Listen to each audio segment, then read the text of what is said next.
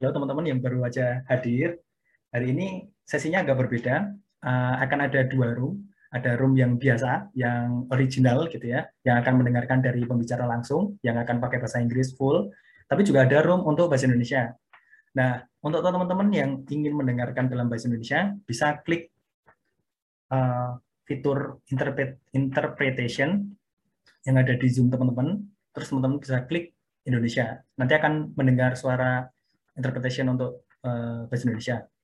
Gitu. Tapi kalau misalnya teman-teman mau untuk mendengarkan yang original gitu, bahasa Inggris full juga nggak usah diklik apa pun sebenarnya.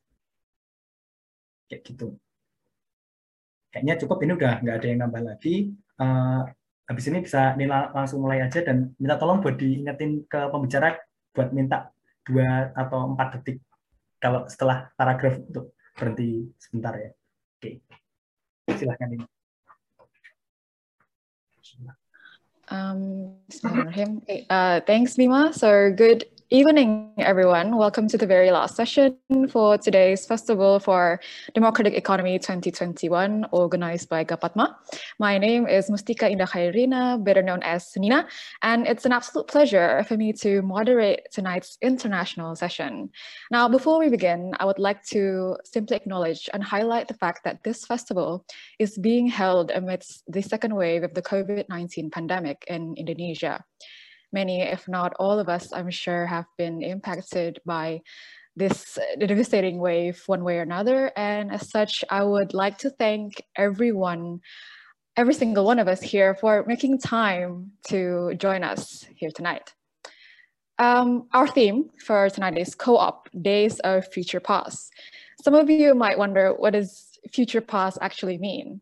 So here's an idea picture a scenario or it starts with a bad future, a future where, for example, many of us continue to be exploited and where the pay gap between workers and CEOs remain astronomical. It sounds like a very familiar scenario because yes, it is already happening. And as such, these sort of scenarios will continue to happen um, if we choose not to do anything about it. Um, but in fact, we can change that future into a new one, which is opposite of that previous scenario that I just talked about. Um, that way, the bad future then become, becomes our future past. Um, for the past two days, just a quick recap, we've seen many examples of collectives, academics, institutions, etc., all advocating and collaborating with one another to create a path towards this new future, a more just and equitable future. And tonight we have three speakers who have years of experience under their belt navigating that path. Briefly in order, um, we have first Mbak Hera Herdian, Herdianti, co-founder of My Cool Class. Second, we have Nathan Schneider, founder of MedLab. And third, we have Jose Mari, founder of Mondragon Team Academy. Uh, please correct me if I mispronounce any of your names. Um, but before we begin, some housekeeping. Um, first, reminder that should you have any questions, please use the Slido. I believe Bima has already pasted the uh, link. Uh, we will be uh, sort of taking questions from there, vote, vote for any interesting questions, and we will uh, discuss it later. And then second is a reminder to populate the virtual wall. Um, if anything piques your curiosity, um, intrigues you or inspires you to take any action, yeah, you just feel free to do that um, now during the session or after the session, um, because we will discuss that um, tomorrow for the closing with Masena. Okay, so now that all of those are out of the way, uh, just like the previous session, we will have all three speakers present for 15 minutes, followed by a Q&A, and then we will end it with closing statements. Um, so, okay, we will first begin with the first speaker, Mbak Hera Herdianti. A quick intro about her. Uh, Mbak Hera is a cooperator researcher at the Institute for Indonesian Cooperative Development and Studies and an educator at IKOPIN, where she completed her postgraduate in management study. Currently, she's a consultant for the Agency of Cooperative and SMEs in West Java and also the co-founder and director for My Cool Class, a teacher owned learning platform co-op. It is her belief that the economy should be fair, ethical, and protect the environment. Uh, but before we start, Bima, could you please play the My Cool Class video? Thank you. Thank Okay. Teacher? If so, you need to check out our new platform called My Cool Class. Now, we know that you aren't overly impressed being told about another what? new company. Huh? It seems like there are a million new ones opening every day, and there practically are. But what if we told you that My Cool Class is vastly different than any other of these platforms? Seriously. My Cool Class is a platform co-op, which is a worker cooperative made up of freelance online teachers and tutors. We don't just hire teachers but accept membership. Every member is a co-owner of the cooperative and takes part in the decision-making process. This is done through a dedicated website just for sharing opinions, participating in discussions, and even voting in elections. Every member has a stake in My Cool Class based on their financial participation. Instead of paying a platform fee, all members contribute, which covers overhead, a chip into the general fund, and you will even accumulate paid time off. Nobody profits from your labor, and when Class creates a surplus, it can be either reinvested into the co-op, provide additional benefits to members, or even paid out dividends. Members may also purchase equity shares if they want to invest in the cooperative.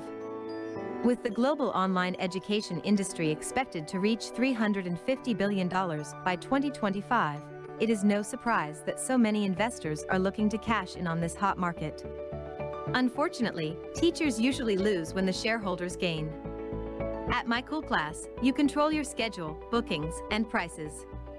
You can even work with other teachers to create courses together, earning royalties for the content you help create. We don't discriminate because of who you are, where you are from, who you love, or how you identify, and believe that you should earn a wage based on your merits, not passport. If this sounds pretty cool, and you want to learn more about us, please check out our website and join the Teacher Revolt today.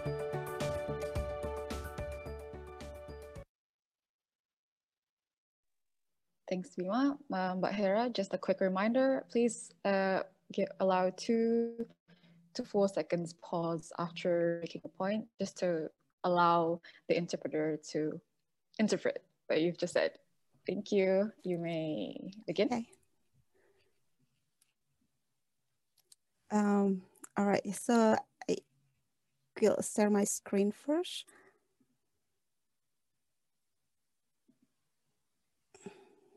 Okay. Um, hello, everyone. Uh, good morning for Nathan and good afternoon for Jose.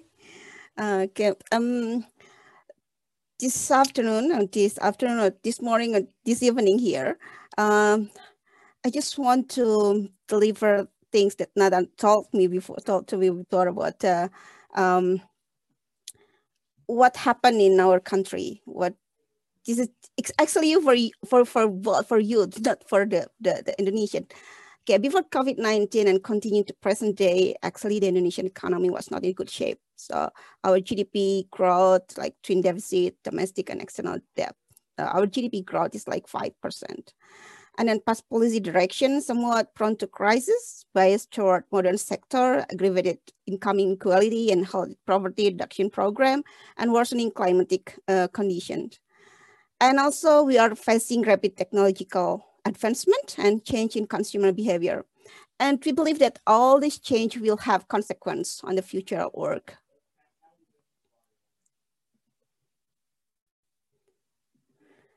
And then uh, what the perspective of cooperatives for Indonesian actually. So paradigmatically, uh, our cooperatives being misunderstood by most people. So cooperative are considered as a business that is not different from other business as a capital-based association. Uh, so we call it like a fake co-op, it's all over. And cooperative fails to be understood as the people-based association that are not value-free. Uh, and cooperative business in the saving and loan sector in general and I will give you the figure after this. And the image of cooperative continued to be damaged by the practice of money lenders in the false cooperative and other moral hazard. And, you know, most people here, cooperatives are old fashioned, rundown, poor, backward, unattractive to most young people. So we really uh, need more some refreshment for cooperative movement. This is some figure about the uh, cooperatives. It's like uh, still in Indonesian, but uh, as I said, the this the for the PG, uh, PDB is only five percent for cooperative, but we have like 123,000 cooperative units in Indonesia, and then almost 60% is only saving and loan coop, and then centralized in Java, where Nina, Bima, and me living, like almost 50% in, in, in Java. And then only 11% uh, they work are running the business for the agriculture. And, you know, it's really uh, very tiny of the absorbing of the employee. So employment is really, really low for this case in cooperative. And this is the impact of COVID-19 data collection. I got it from the um, Ministry of uh, Cooperative and um, Small and Medium Enterprise. Um, this like 46%, we have a problem with the financing and then 36 uh, marketing and seven for production, distribution, and raw material. So, and then the co-op groups is uh, we they they collect the uh, data from the multi-purpose co-op and women cooperatives are uh, we call it COP one and then SACCOs uh, or uh, saving and credit cooperatives. Actually, with the, all things we have here, we we think that the we have to develop some co-op sectors, just like worker co-op or production co-op. We have to develop the social co-op we don't have here energy or renewable energy co-op, housing co-op, we don't have any, this is housing co-op, and a platform co-op. And of course, with that, we have a community build, uh, building with cooperative. That's the idea. And then what the challenge is, uh, we have a really, really hard challenges about the cooperative literacy because that's why people misunderstood about cooperative and then financial literacy that we call it like uh, financial inclusive is really low. We only have 2% people just have uh, account in, in the bank. And also digital literacy.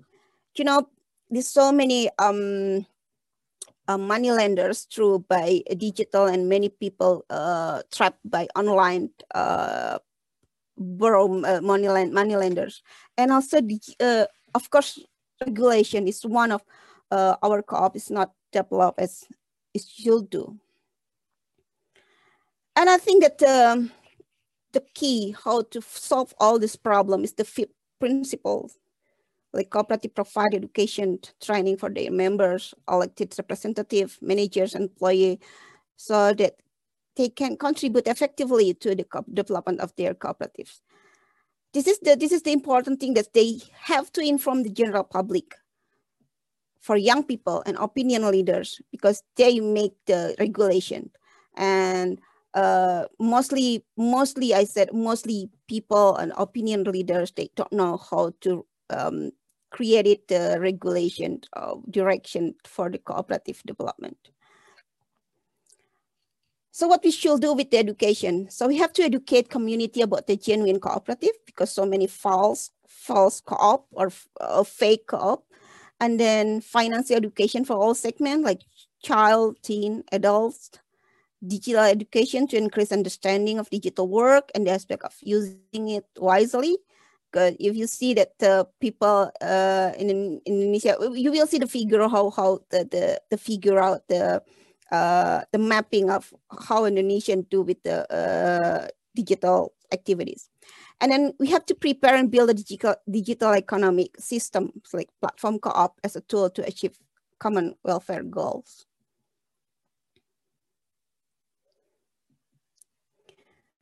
And then the next is like uh, the people and digital. We'll see that, you know, the total, total, uh, total population of ours is like 270, 274, almost 75 million people here. But it's really funny because uh, who wants to have mobile connection is like 125%. than total population. So I don't know, maybe Nina has two, two mobiles. Most people here so have two mobiles and two numbers for it. And then internet user is like 73 uh, percent, almost 74. And then uh, we have 150, 170 million people, like 60 percent people uh, active in the media social. So maybe that's why our our uh, sometimes our our issue to be trending topic because there's so many people on the on the media social, especially Twitter. This is the figure of um, Indonesian census. Uh, the last time is like 2020. We have 270 uh, people, million people, and then most of us is like um, uh, post millennial cái uh, Gen uh, Z are um, only 25% of millennial, almost 26%. And then, you know, in um, during the pandemic, we have um, really significant switching uh, activities from the uh, conventional, like face-to-face, -face, uh, to to, uh, to on online uh, system. It's like 630% consumer in, in, Indonesia now they start to choose the online or uh, cashless. And then we will, uh, the prediction in 2025 after this pandemic, maybe will be uh, increasing like seven, uh, 84%. And then, you know, it's really, um, nice or, or interesting uh, figure that during the pandemic, 51%, the first time the people, the community, they start online shopping. As me, I, I never, I never done before, but during pandemic, I did it because uh, we can't go out. So it's like the safe thing we can do. Before the pandemic, we only have like 4.7, but during the pandemic, 28 0.9%. Uh, uh, there is the increasing from the first, um, before a pandemic. And then, um, you know, Indonesian is love to going out, traveling, and 65, 56% uh, now they more comfortable to just going around the, around the city. Um, the other one is this one, the e-commerce transaction during the pandemic in 2020 is like 260, 66.3 trillion. And that is really big and then a really uh, rocketer, but you can see this is all Indonesian. I can't find it uh, English, but this uh, this I uh, got from I took from the um, um, uh, Google how um, the the online the online um, delivery online. It uh, like maybe last month they have a big strike you know, because I heard that Uber and Lyft doing the same thing uh, on the delivery things. And then here also, uh, we have a two big uh, on a platform like Tokopedia for the marketplace, and then Gojek for the uh, riding high, uh, hailing ride. And then they merge together and then they form GoTo. But they're not giving people, uh, the, the driver, uh, like much more incentive, but they work is more hard and harder. And that's what they are, they did uh, in the um, last month they they did a strike uh, to protest uh, all um, uh, all the um, uh, what's it called the um, merger between uh, Tokopedia and Gojek. And another one uh, is really interesting to be concerned just about the media consumed. Now, media consumption uh, is really really high before and before uh, before and um, and pandemic. Sorry. just like they have more than the 62% for business and and a lot of more in the uh, regional. I mean, the regional. What is regional? What they they find out they they find out about what what the COVID going on, what the what the social uh, thing, what the community uh, doing uh, during the pandemic, and then for all the thing uh, we have, like Nina said, we have the devastated uh, second wave. I don't know, is it second wave or the first wave? because the first wave is we we don't feel so uh what it's called devastated like like right now we we we have. So like I told before, like five family around my neighbor. They got like 20 people inside the house. Uh, but uh, despite all this this um what is this um, happen in our country, we see optimism, we see opportunities with all the with all things happen like today. So uh, they raise awareness about cooperative model among small group of youth, like what what we are doing here right now. This like only small group of people, and then learning communities about cooperatives are growing. We have a community like Gapatma, like Connect, like KMDM, like Kabelan Co-op, this like uh, artist co-op. And then there are discussion of ideas and practices of new cooperative models such as worker cooperative or platform co-op. you know, Jose, this is this is uh, what we doing so far for the platform co-op. We have other hobby. Uh, we had the Sama ID, Kinred Co-op, Our Space, Kayahara, and so on. And then the the good news, another good news is regulatory changes on forming new co-op from 20 to nine people. So now just nine people, you can form a co-op before 20 people. If you want to develop a worker co-op, maybe this is the time to go get up and then form the co-op. And then the new entrepreneurs rising by numbers, so um, micro business, and then awareness on the probability to of behavior changes on the future work as human-centered activity. Just I will say this increasing right now. So I see that the, the possibilities, I see the optimistic around the, the young people now uh, is raised. Quick reminder, less than five minutes. Thank you. Okay, all right. So this is the the uh, the logos. I just put it together. So if you see that we have um, uh, was this uh, the future with the people who start to learn about the cooperative. Like I, I put the schools here. Uh, one is higher school where I put my my kids. Uh, uh, they because they put the co-op as a lab, the economic lab for the student.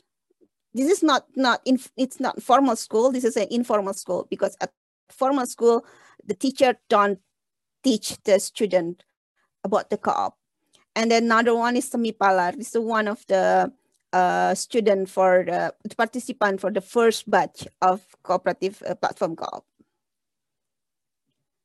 All right, and then the last time is I want to just a bit talk about the mycoolclass.com, the teacher cooperative, how I bump with this group of people. because I thought it was one of, of the participant platform co-op course, but they, they don't but they're really um, eager to build this one. And um, we have, now we have like, uh, before pre-registered, we have like 800 uh, teachers, but now we only have like 300 for the fully membership. And then we try, we, in this, this month, we start to uh, running the business. So start to accept the student and start to uh, do some bookings and uh, uh, start to do the lessons. All right, maybe that's it. It's last five minutes. So thank you very much to listen to me. Thank you, everyone. Thank you. Thank you so much, Mbak Hera. Um, so we'll just jump in immediately to the second speaker.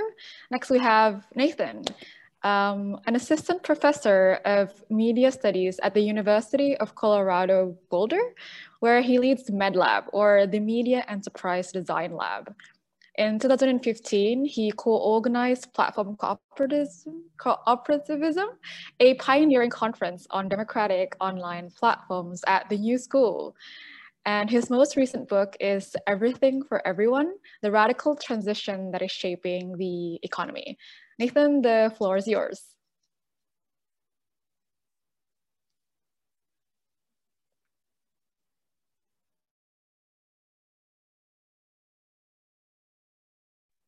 You're still muted. I sorry, Nathan, you're still muted. Oh, you'd think after all this Zoom that wouldn't happen. Um, thank you, Nina, for for um, so expertly guiding us through this conversation, and Hera, thank you for that really wonderful um, introduction to um, you know for an outsider to the context um, that that uh, uh, y'all are working with. Uh, um, it's just so helpful to hear um, how you think about the cooperative tradition in the context uh, that that you're um, that you're working in right now. It's so interesting uh, always how uh, different cultures and countries and regions within countries often have different experiences with the cooperative tradition. So it's really helpful to to hear that context. I'm also, um, you know, want to want to echo the uh, cognizance of the um, of the spike in the in the COVID pandemic uh, going on there right now. Um, my my prayers go out to you, uh, and um, and and I think this pandemic is just such an, a, a profound reminder of the importance of building a cooperative economy, one in which we are not competing with each other so much uh, above all, but that we um, build a recognition of, of our shared wealth globally. And, and in many respects, one of the reasons that I've been drawn to this idea of platform cooperativism is the chance to get this cooperative tradition out of just being a local, regional uh, type of activity alone. Certainly that, that kind of work is important, but to actually build global democracy um, through this through this tradition and through uh, cooperative enterprise uh, to to build democracies that span across borders so that we can deepen our collaboration, deepen our ability to to face the the greatest challenges uh, uh, in the world uh, today, from climate change to um, to to this pandemic. Um, I want to share a bit of a kind of broad historical perspective, very very broad, um, that that I, I think uh, uh, encapsulates a bit of what faces the um, the kind of generation gaps of the cooperative movement uh, today. And um, you know, ho- hopefully, what I just said will make a bit more sense uh, by the end. But I begin with um, with this picture of um, on the Canadian uh, on a Canadian postal stamp of Alphonse Desjardins. Alphonse Desjardins was the founder of um, of a, a, credit union, uh, similar to kind of a SACCO or a, a, a lending cooperative. Um, uh, but this was in the 19th century, over a century ago, or early 20th century, about 100 years ago, a little more. Uh, and Desjardins lived in Quebec, um, French-speaking province of a otherwise largely English-speaking country um, a kind of disenfranchised minority. And he lived in a very working class, poor neighborhood and saw that the banks, the financial institutions, even such as they were at the time, were not at all serving his neighbors. And uh, so built a uh, cooperative uh, banking system that is now the largest financial institution in Quebec his influence spread down into my country, the United States, um, and seeded the, the um, credit union movement. Um, now, for instance, where I live in Colorado, a credit union is the largest mortgage lender for housing in the in the area. Uh, you know, you see similar patterns around the country. Uh, there's still a lot of much more powerful corporate banks, but credit unions are a significant um, portion of our of our financial sector.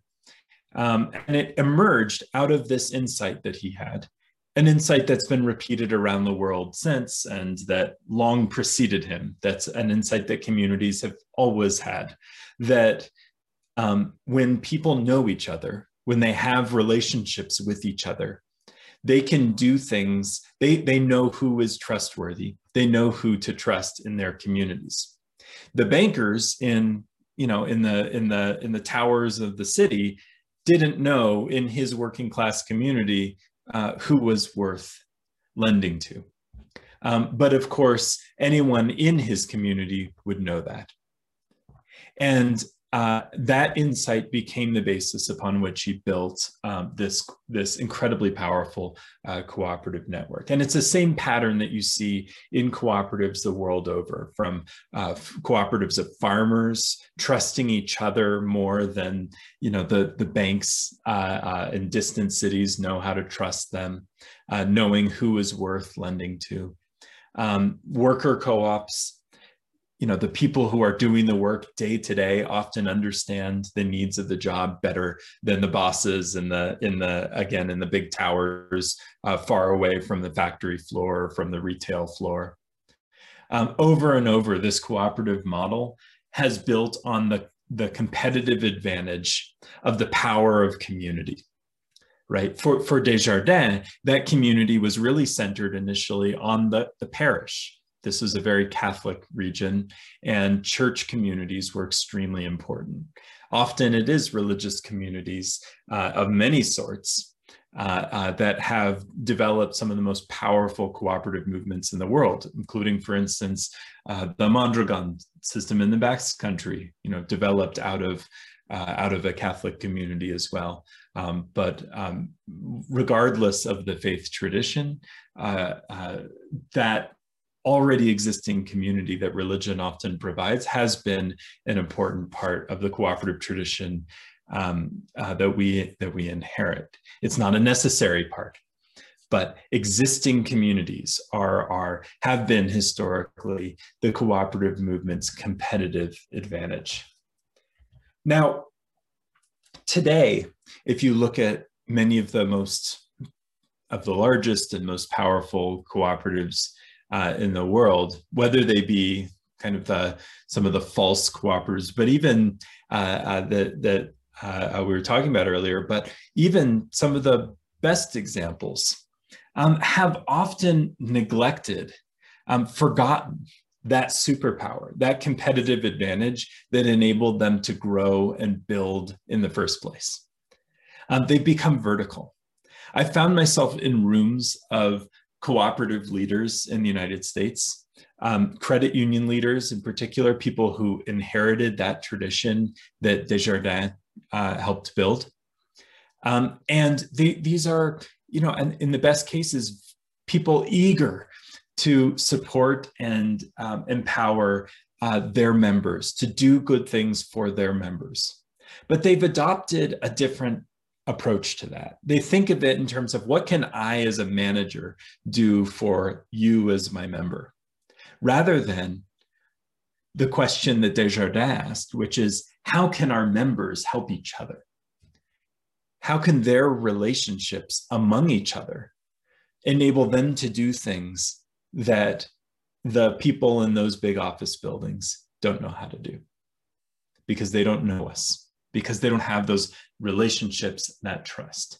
So even in the best contexts, even in the, among the best cooperatives out there, uh, the, uh, the, especially those that are several generations old, they've almost always forgotten that core advantage um, that gave them their strength to begin with. And this is often driven by regulation. You know, the laws require them to act more like, you know, normal banks or other businesses. Um, culture often drives this in, in the United States. For instance, during the Cold War from after World War II, many cooperatives went underground for fear of looking communist. So they would essentially pretend to the world that they were just normal capitalist businesses. Um, to the point where my grandfather, who ran a, a cooperative business in, in the hardware industry, um, uh, you know, really never made much of a big deal out of the fact that the business he ran was a cooperative. You know, my own mother, his daughter, didn't know that that business was a cooperative. Um, it was something that you know they kind of kept quiet, and so they didn't build a strong cooperative uh, culture as a result. Now we find ourselves in a very, um, in, in kind of a, a, a, an odd repetition of that moment where uh, the uh, that moment where many of our you know legacy cooperative businesses first got started, where the power of of relationship, of peer-to-peer connections among people are starting to become more and more important.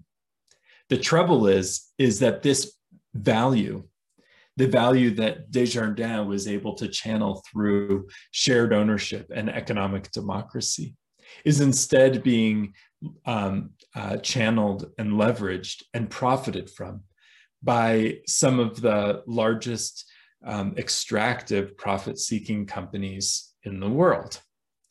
You know, think of the examples that, you know, many of us are, are, are anxious about uh, some of the most uh, uh, the companies that are that are creeping into our societies and and um, challenging our ability to you know to to control our cultural and social worlds.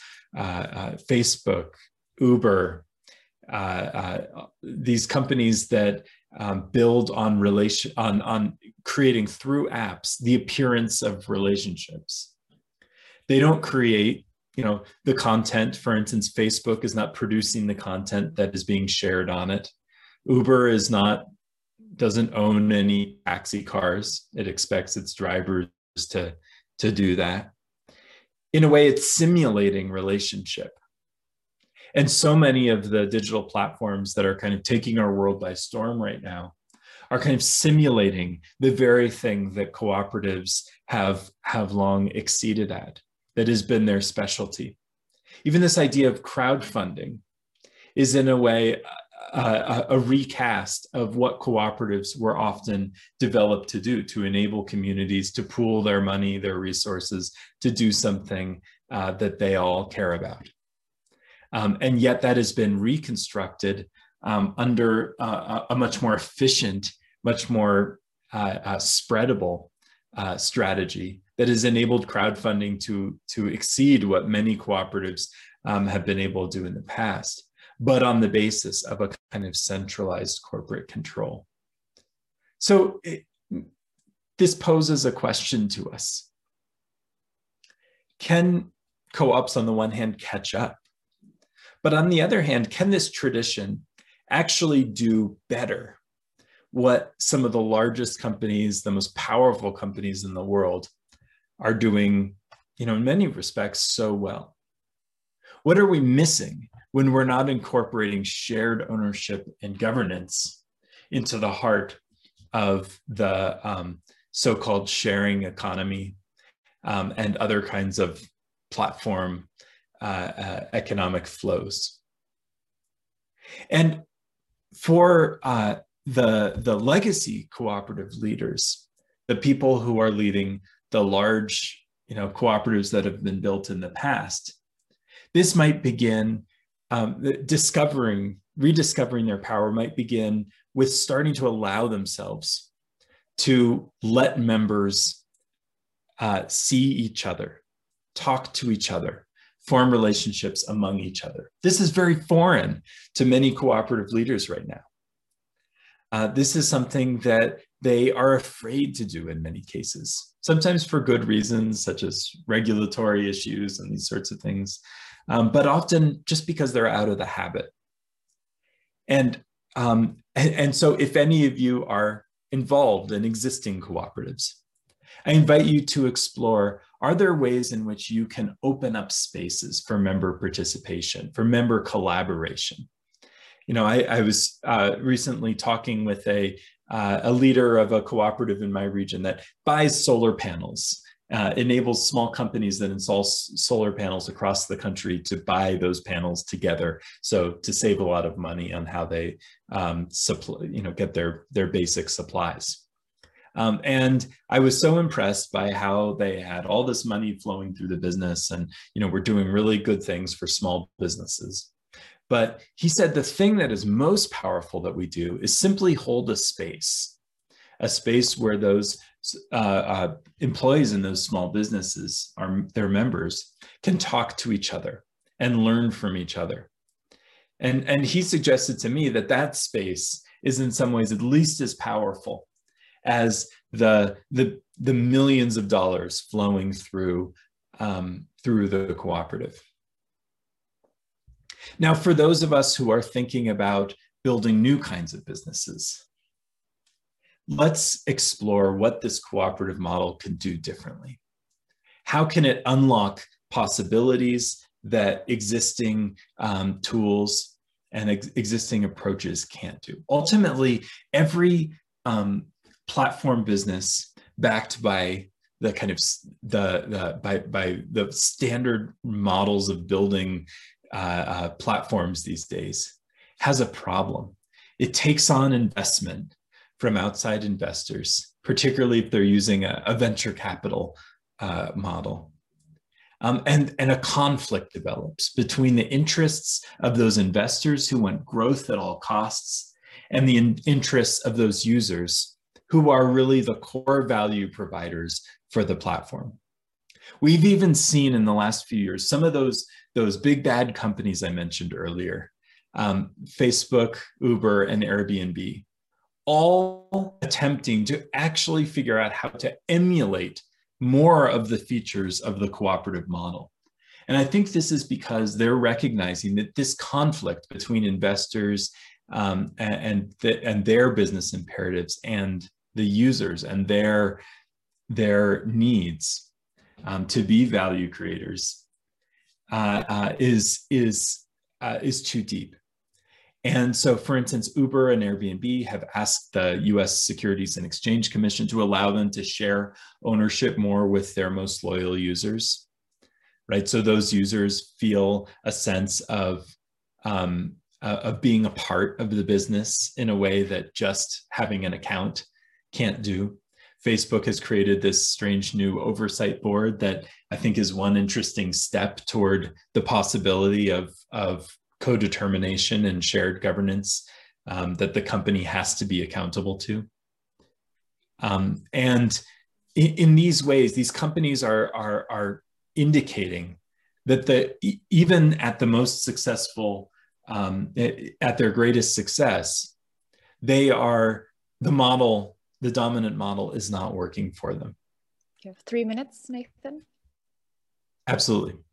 So one thing I've been exploring uh, uh, recently is this possibility of an exit to community, uh, a possibility of creating an off-road so that some of these big platform companies have the opportunity uh, uh, through new approaches to financing and business development to actually, as they mature, grow into cooperative ownership and governance.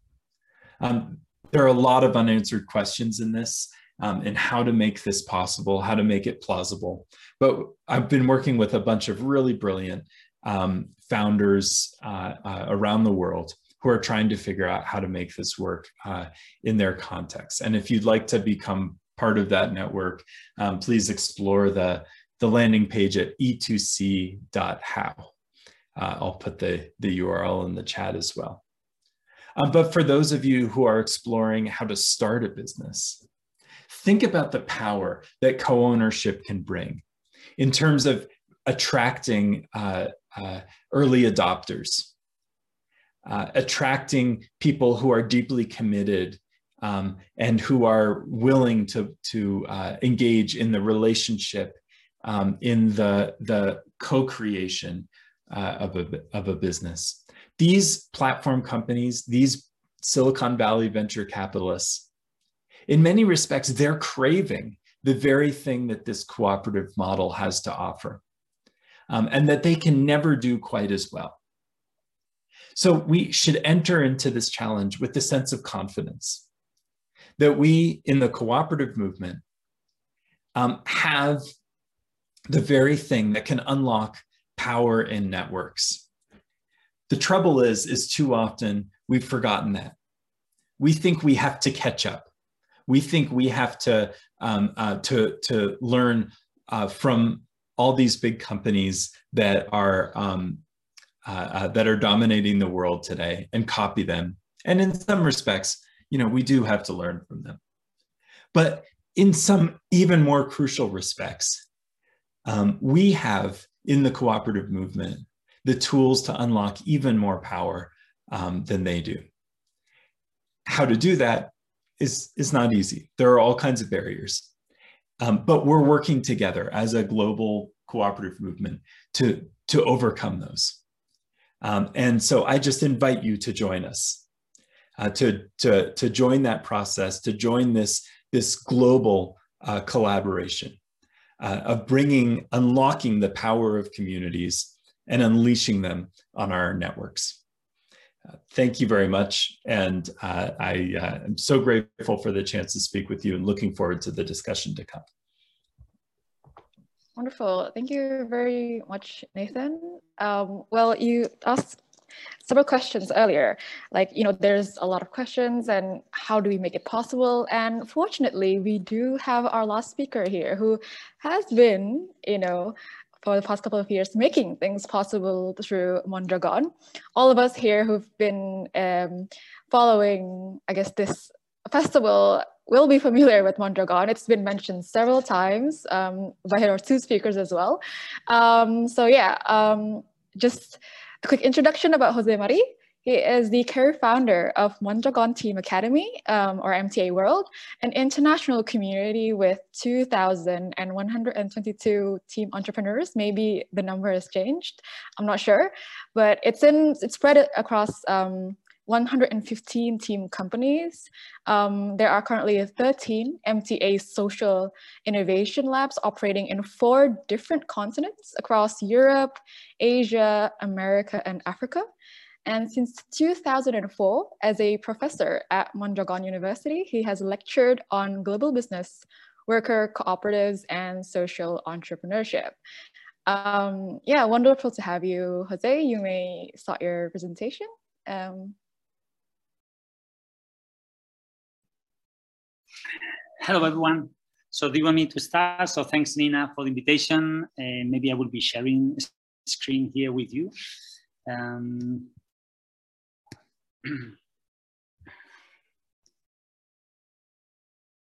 so first of all, uh, I'm very glad to be here today with all of you. So I think that is not only because of the great opportunity of, and seeing how you are leading the movement of cooperative development and specifically the digital platform COPS movement in Indonesia, but also because I think that we have been partners together. So seeing people like Heira and Nina, who has been part of the Platform COPS Now program, and we are partners together developing this is really, really exciting. We are here in Europe now, just in the days before to go into the summer. And I think that's the best way to, to, to finish the academic year, just having these sort of talks and this COPS Day for Future and Past of the cooperative movement as you organize in this festival for democracy economy. So I have prepared a presentation that maybe this could be, it's, it's, quite long and the idea is that you could be sharing later with all the participants if they want to stop in some details, although I'm going to be going very brief in few uh, specific uh, ingredients, okay? So the topic for today that I was addressing is this cooperative entrepreneurship and maybe the case of what we have learned from Mondragon and Mondragon Team Academy and specifically on Platform COPS now. So the presentation will be divided in four main elements. Uh, some aspects of the past of Mondragon in terms of development of cooperative entrepreneurship. And specifically, I'm going to dive into what we are learning and creating in Mondragon Team Academy and what we have learned over the last two years, hand by hand with the whole community that we form in the platform COPS now, and with Trebor Scholz and the new school uh, in, in this digital platform COPS development. Some of you are even more experts than me in this topic as you have been part of the program in the past. So I'm going to be more sharing for the open audience. And as Nina, you were mentioned before, this is a very good moment because for those of you, maybe this could be an introduction for enrolling into the third edition that will be starting uh, just after the summer. So starting end of August. Later on, I can drop you the link of the enrollment that we already opened up in the new school. Okay, so maybe from Mondragon cooperative experience, as uh, my, the previous two speakers were mentioning as an example, I would love to share with you maybe two aspects of this. No? Maybe you have here some, some of the elements of our history. I'm not going to go slow. The criteria when we say, okay, what does it mean to be a fake cooperative or not? Then in our case, we always come back to these cooperative principles. Are the cooperative principles in place? Yes, and how? So then based on that, we develop. The case of Mondragon, if it is unique for something, it is because all of us, we are worker cooperatives. So even if we have multi-stakeholder cooperatives, always we need to cooperate on the worker capacity. Uh, similarly, we aim for maximum in competitive. So we aim for leading business, creating leading business. And it doesn't matter if it is competing with cooperatives or with other companies, it needs to be a leading excellent business. Okay. Here a little bit about the data. When we talk about cooperative, we say, okay, we need to remain residual, very small. What we can learn from the history of Mondragon is that this is not true. It is possible to create cooperatives that they could be, in our case, is 260 companies, almost 100,000 jobs created through cooperatives, being 80% cooperative members and 42% women members. So in that sense, whenever we are addressing this idea of cooperatives should be small and should be residual, what we have learned is that it's not. Even in the case of Mondragon, it will be um, classified, being, in, being a cooperative is not classified itself, but it will be classified in Forbes will be 462. So actually it could be one of the Forbes 500 companies. So the cooperatives needs to be small and residual. What we have learned is that it's not. Whatever we can do, it can be, as Nathan was saying, the cooperative advantage might enable us to create solid businesses, you know, and maybe that's part of the challenge we have. Here a little bit, as uh, you were mentioning, we are somehow exposed all around the world in different countries. Although in the case of Mondragon, still we only have cooperatives in Spain, worker cooperatives. The rest, we share the same management model, but still they are not legally cooperatives. And this is something that maybe we are aiming to overcome or to find a way to do it in the coming future years. Few aspects of the, of the importance of entrepreneurship in Mondragon.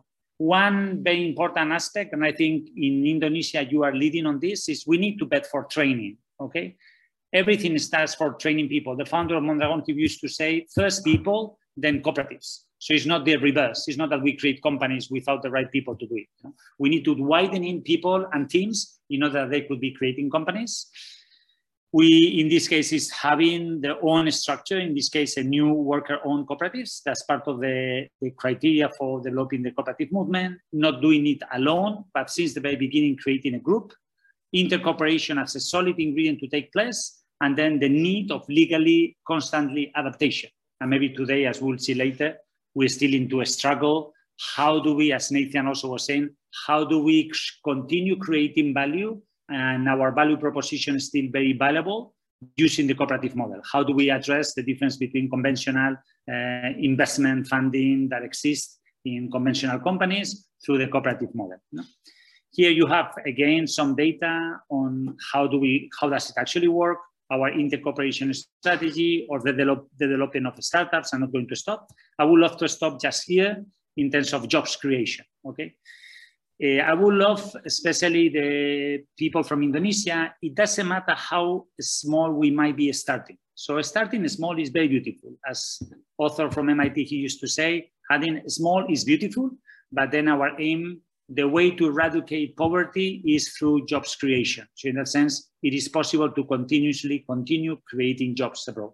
This is the, for, the, the development of jobs in Mondragon, reaching over 80,000 employees. And this is also, again, now when we see the fragmentation in the world in between, okay, local nationalism versus global, what we can learn from Mondragon is it is possible to grow job creation at home and to grow abroad. So this delocation, let's close our country and not compete globally. We can compete globally, growing outside and growing at home. That's part of the learnings we have.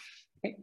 Um, so these first aspects about the past. So we can have a little bit of the structure of Mondragon that maybe has been mentioned before uh, with these key ideas. Now we would love to share with you what we learned in the last 13 years with Mondragon Team Academy. Um, in the case of Mondragon Team Academy, although Mondragon might be a, a, remarkable example, what we learned is that 15 years ago, youth was disconnected with the cooperative movement. So they understood that the cooperative movement was just about enjoying having a job forever, but not really their creating capacity. So then what we challenge ourselves, is it possible to create a new program within a university to really transform young, young people into entrepreneurs, team entrepreneurs, cooperative entrepreneurs? And maybe the journey of the last 13 years has proven us that yes, it is possible. No? So in that sense, uh, our core way of learning is based on four elements.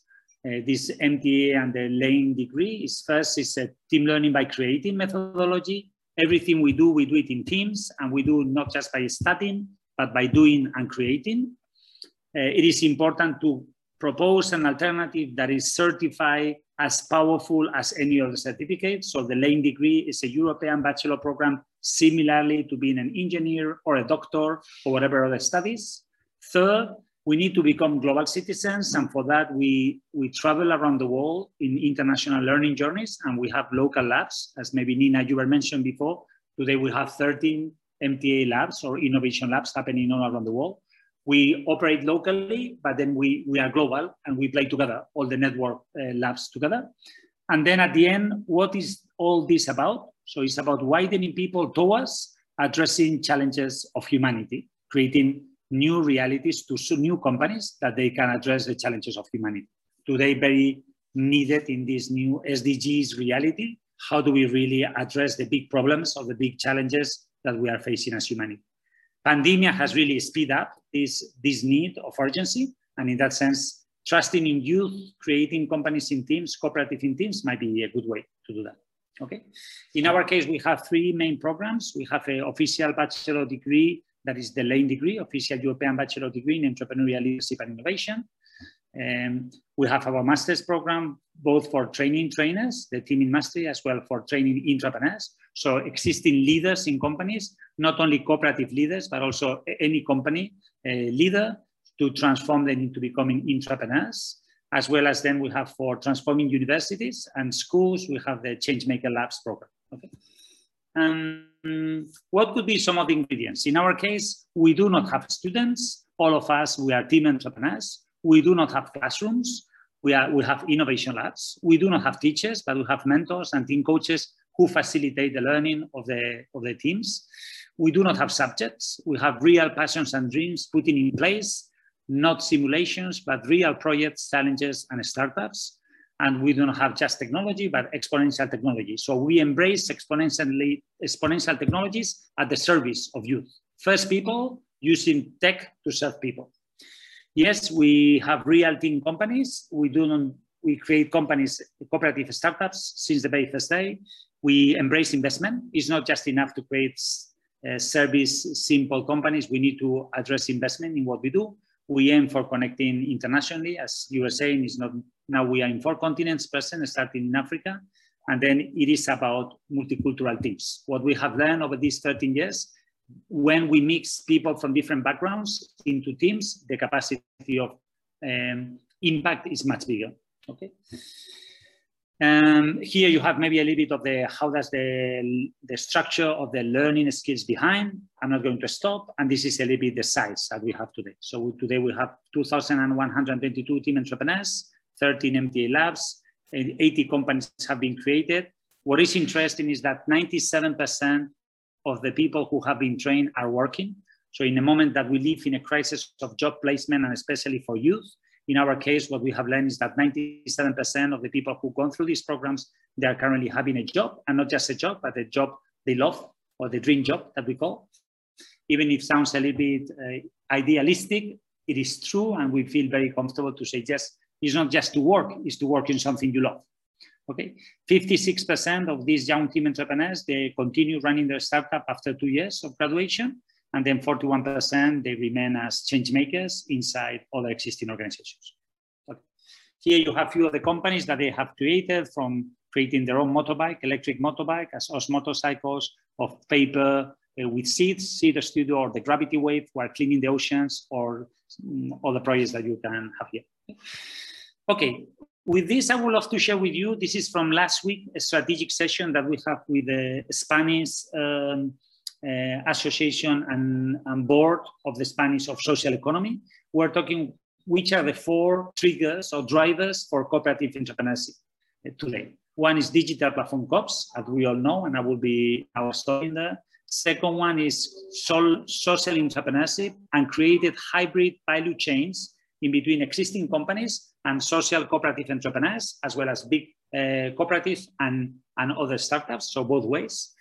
Third is this re-evolution on the way we train and we accompany cooper cooperative entrepreneurship, and especially the role we play in the entrepreneurship ecosystem. Something I would love to share with you, it cannot be that we create a fragmented, isolated world of cooperative entrepreneurship. We need to be inside the whole ecosystem of entrepreneurs, and there is where we need to bring the message of the cooperative entrepreneurship.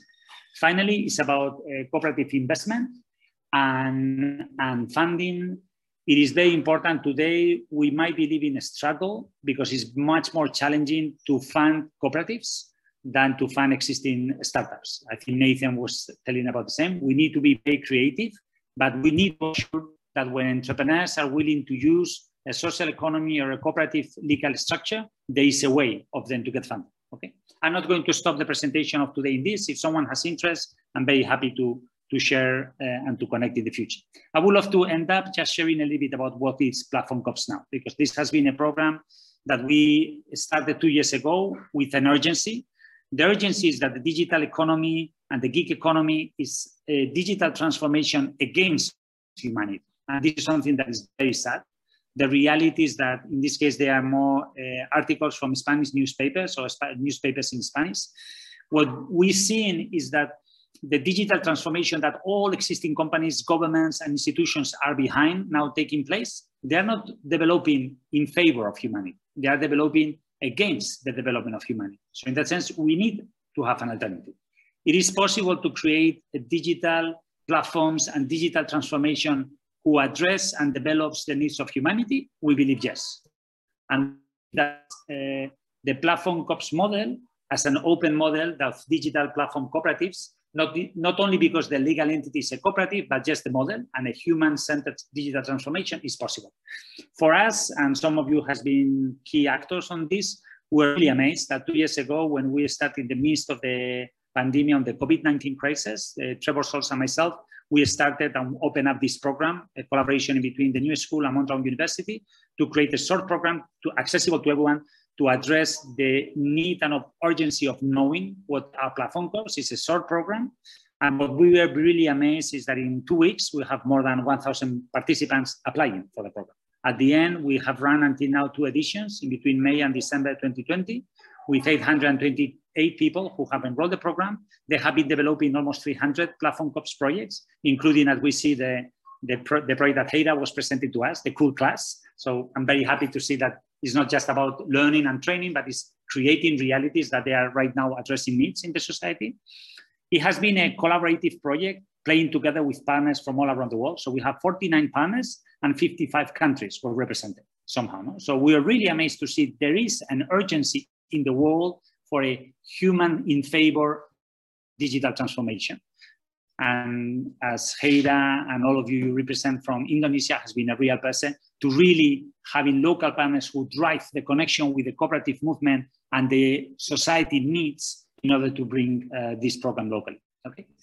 Um, something that we learn is that it's not enough just to have a program of three months. This is the first step to developing the movement, but we also need to create accelerate programs. So we started last year the first accelerator program in Europe Uh, for a specific experiment. We would love to roll out this locally as, as can be in Indonesia and all the partners globally.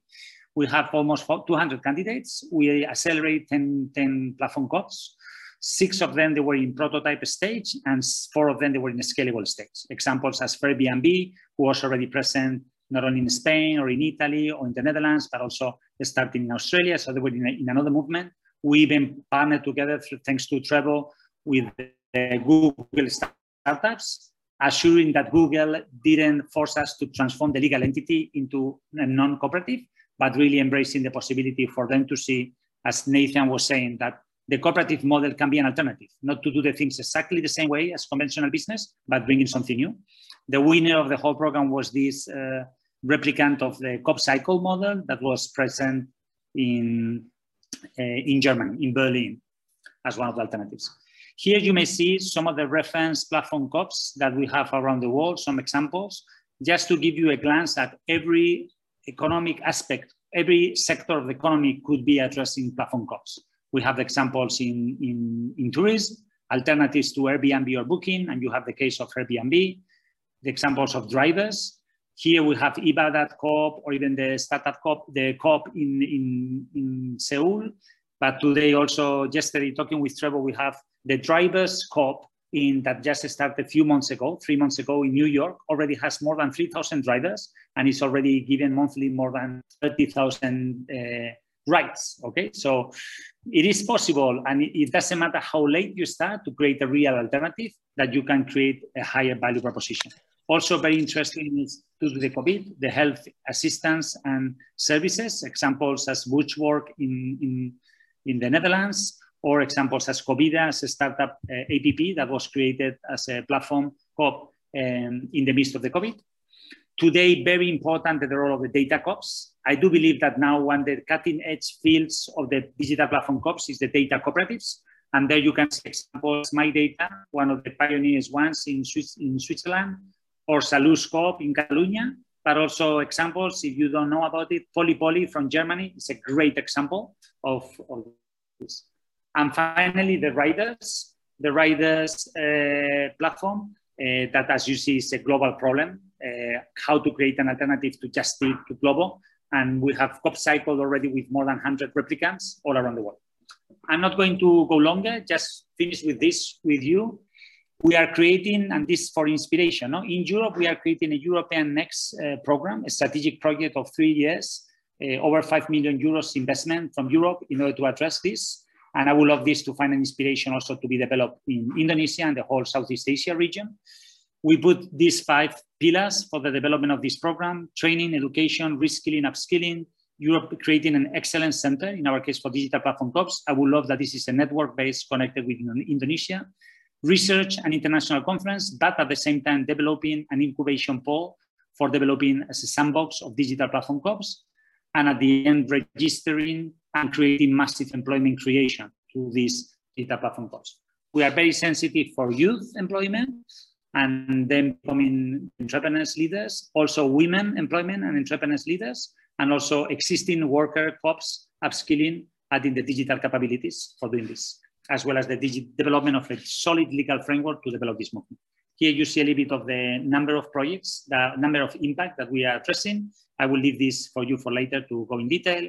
And here also a few examples of the, for, of the COPworks uh, platform COPs uh, program that is there. From my side, just uh, to say you thank you.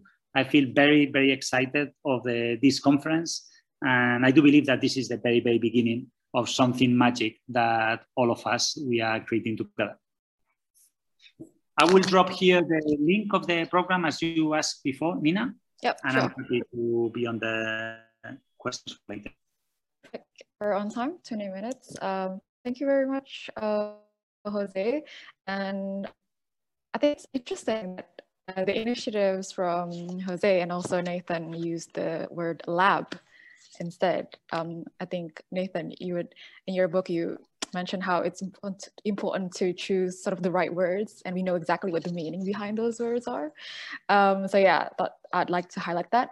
And before we go to the next session, and before we also play video before that as well, there's a, a interesting comment um, from one of our participants, and this is for the interest of our YouTube, um, I guess, uh, viewers later on who will be viewing this. Um, from Pa Robi, uh, he said, "Hi Nathan, you are virtu you are virtually opening new spaces and motivating cooperators in Indonesia to unlock new possibilities. It was just the icing on the cake. We need to know more how to taste the cake itself." Um, and uh, Pak Robi is the co-founder of the credit union movement in Indonesia, and now a member of the credit union here, uh, there in Canada, and also the Desjardins insurance client. Um, would you like to uh, unmute yourself, uh, Robi, perhaps? I think it'll be interesting to have a chat between you and Nathan. Uh, Robi, are you there? Yeah, I think he's here. Can you, can you hear me? Pak Robi? Okay, perhaps uh, that's okay. Okay, I don't I don't think we can connect to Pak Robi at the moment. Oh, sorry. Can you hear me now? yeah, yeah. Okay, thank thank you. Yes, yes, we can hear you now perfectly. Oh, so sorry, and you know, yeah. That's, as, that's okay. As Nathan said, as Nathan said, we've been so many times on Zoom, and yet you keep forgetting this tiny little thing. well, uh, I, am just going to congratulate Hera, and Nathan, and Jose Marie because they've been presenting such uh, uh, wonderful presentations on on new forms of cooperation. You know, because we are of, of the old school. We are of the old school. We think of the conventional uh, wisdom of cooperatives, saying that well, credit unions, consumer cooperatives, and agriculture cooperatives are fine and well. But I think we need to think further. Innovation is such an important thing given the reality of the world today and that we need to innovate new types of cooperatives. And I think I'm learning today. I'm a true learner today about how we learn about platform cooperatives. And uh, of course, Nathan, uh, opening new spaces, uh, you know, unlocking uh, those possibilities to create relationships among networks. And that's what actually uh, I'm passionate about because during my time at ICA, when I was still with ICA, that's what I actually do. We need to keep the network related, uh, relate the networks, uh, you know, all over the world, and not just among cooperatives themselves. We are not trying to sort of uh, confine ourselves into our own house, but with the social economy, you know, with the bigger social solidarity economy and all that. So I think that's a wonderful thing. And Jose Marie yes, I think, uh, what's his name? Um, uh, was it Schaefer? No, not. Small is beautiful. That's what, what's his name? The old guy who said that. But, yeah, Schumacher. But, but biggest, uh, Schumacher, sorry, yes. but big is better. And, and I think you are really uh, underscoring the, the need for getting bigger and uh, and likewise, not forgetting the principles because we are still rooted in the principles. Well, thank you very much, Vanina, to give uh, to have given me this opportunity. I certainly thoroughly enjoyed the Zoom conferences. Although uh, for Nathan uh, and myself, perhaps we could not join the four o'clock in the morning session because most of the sessions are early in the morning. But thank you very much for this opportunity and congratulations to the three of you speakers. Thank you. Thank you, Robi. Um, I guess for the other sessions, I believe uh, Gapatma will be uploading uh, everything on YouTube, yeah? So you can view them later on. Um, and yes, thank you for the wonderful comments. I think this has equally been so insightful and very, um, like my imagination is currently running wild after this. And perhaps if you know, the participants, if your imagination is equally as running wild as mine, uh, please do fill in the virtual board at Whimsical. And while we wait for the questions to come in again, please do vote for them. We will be choosing the top questions um, to ask later. Uh, we would like to first play a short video about uh, Exit to Community, the initiative that Nathan uh, mentioned earlier. Bima, could you please help us with that? Playing the video, thank you. Question is, what if BET's founder didn't sell to a media giant, but instead sold the company to its incredible black content creators or to the loyal subscribers of the cable channel? That question is at the heart of why I started Crux, an immersive storytelling studio democratically owned by our community. Why are you starting a business? To nurture it for a few years before selling it to an even bigger business? Or do you want to ensure that the community you serve can benefit from your business for a lifetime? As entrepreneurs, we build companies to serve communities. And as users, we value the businesses that help us. More and more of us are asking what if communities become owners of the startups that we love most? What if founders centered users in their exit strategy the familiar paths of getting acquired or going public can help founders profit and move on to the next thing. These options often mean that our dreams get diluted and our users get left out of decisions that affect them. Exit to Community is an emerging network trying to enable a third path that benefits everyone. This means that when startups mature, they could become owned and governed by the people who depend on them the most their workers, customers, and everyday users. So far, we have more questions than answers. Can we build businesses not for what owners extract, but for what they create? Which financial and legal structures favor community leadership? Is it possible to make all stakeholders happy? This is bigger than us, so we're experimenting and documenting what works. Last year, we hosted webinars on common questions, published a zine, and ran a peer learning cohort with two dozen founders to develop new exit strategies. I am a recovering nonprofit executive turned tech entrepreneur. Our built in exit to community model is kind of like one using labor as the inputs to resource the building of it and as an investment. In the midst of helping to build a worker cooperative called Chi Fresh Kitchen, it's owned by formerly incarcerated folks. The same way that a food co op sort of positively impacts the ecosystem around it, we see that we're going to do that within the music industry. So much of what I've heard in the last five years around platform cooperatives is solving this capital access question. Revenue is far and away the cheapest source of capital out there. I'm obsessed with unclaimed property funds, things like that. Like, how are we organizing ourselves as a community of, of co ops to go after large sums of money. But some of the tensions inherent in a peer learning cohort, those tensions will help us form this group together. When you said that capital does not equal control, mm-hmm. I was wondering how do you then um, decide who will be in leadership roles and like the hierarchy and the structure? It's really about how do we see economic rights and voting rights as two separate levers that we can manipulate in order to get where you want to go long term. If we come out and say, look, we're giving you the company, will they actually want it? Or is there a story that we need to learn how to tell uh, to help them see the potential that we see in them. We are here at E2C because we know that you understand what we're trying to do. We are not and do not want to be just another startup. There is a lot of power and potential in creating a tech commons that is built for and by the users of it. My big question as the co-founder and director is how can I make this more sustainable and equitable for everyone involved? We are so grateful for the support of this cohort and Zebras Unite and the Exit to Community um, uh, community.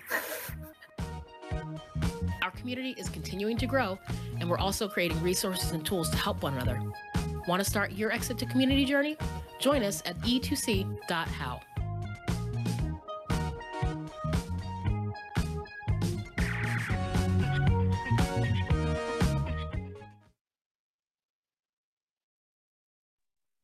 You can't expect. Thanks, Lima.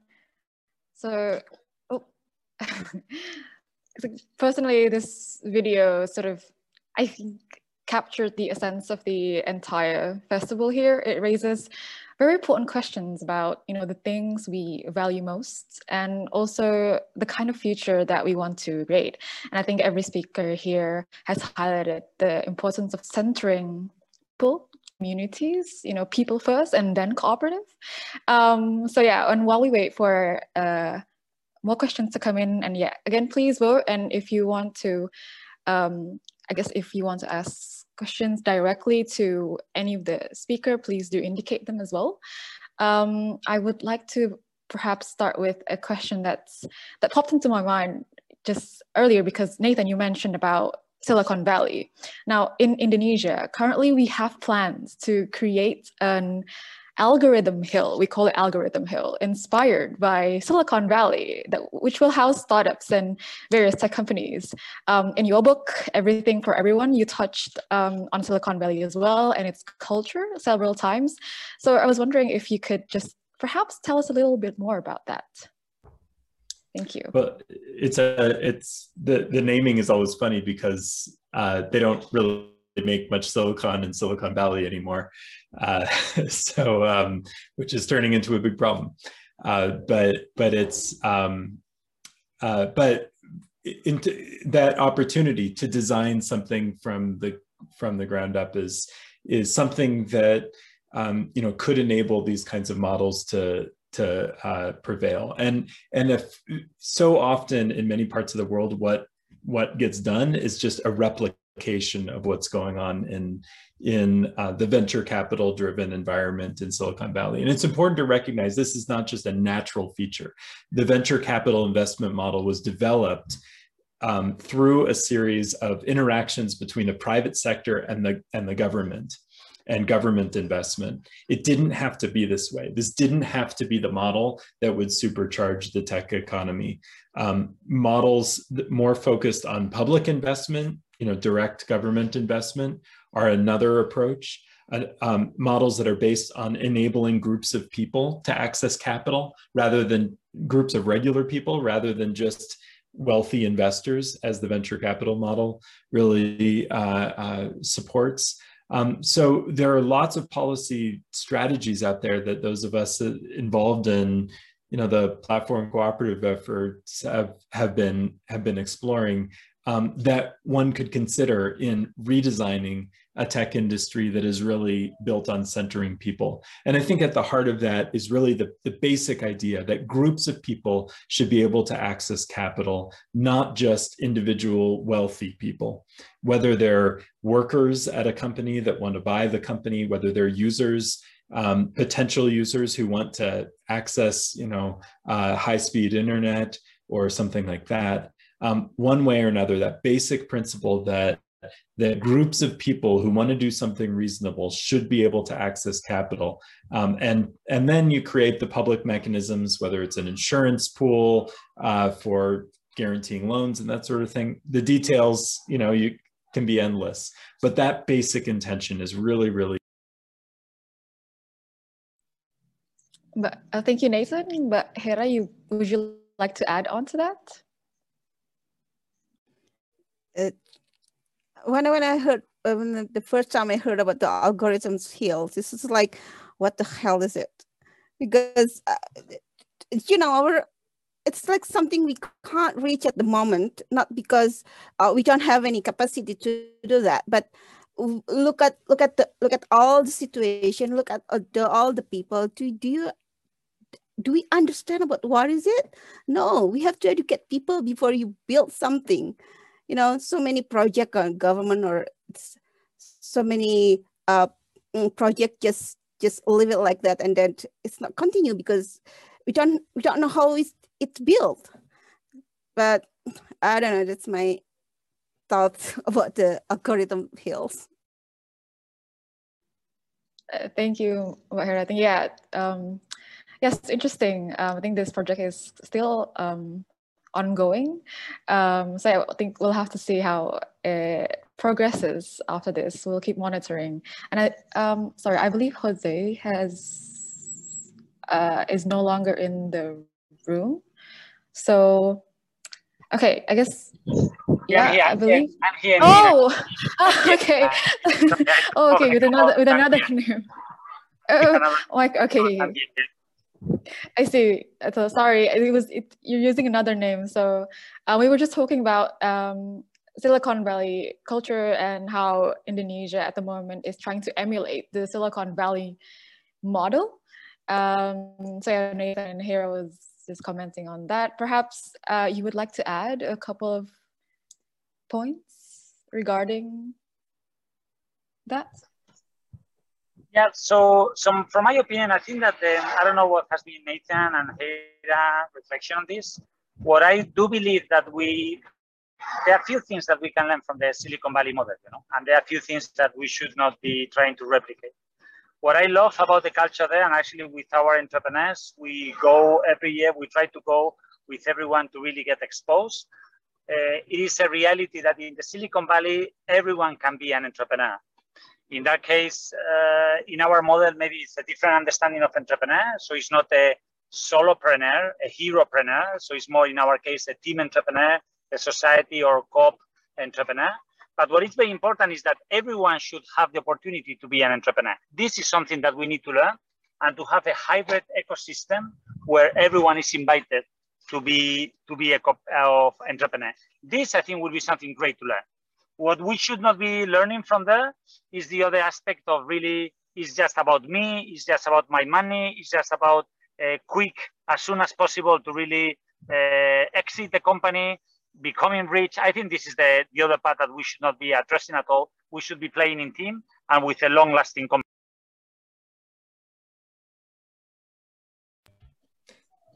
Okay, thanks, Jose. Uh, yes, Nathan, you would like to add on? That, that's a it's a great distinction you make there about what to learn and what not to learn, and and the exit to community strategy, which I think of as an offshoot of platform cooperativism, is an attempt to really target people who who have been kind of saturated in the in the Silicon Valley language and ethos, and that that language of exit is really important in that context. But also, that means you know we've we've chosen to use the word community, not cooperative. Um, so rather than prescripting one solution as the way to uh, accomplish, um, uh, you know, appropriate ownership, um, you know, we, we've invited people to explore, you know, a wide range of options and um, and to figure out how we can, um, you know, in some ways infect this culture uh, of of growth at all cost startups with a sense of a solidarity economy. Thanks. Um, yes, uh, Jose? You're unmuted. Would you like to add? Oh, okay. Thank you, I guess, uh, for the reflections from all three speakers. Um, I think after this, um, all of us would be uh, learning more about the Silicon Valley and ponder upon those reflections. Um, now we're answering um, the question and answer from the participants. We've got a total about nine questions here, and I'm going to start with the first top question from Anonymous. Do you think it's inevitable that co-ops, when they become large, will eventually lose some parts of their cooperative culture? I don't, uh, I don't think it's directed to anyone. So um, yes, feel free to jump in, any one of you.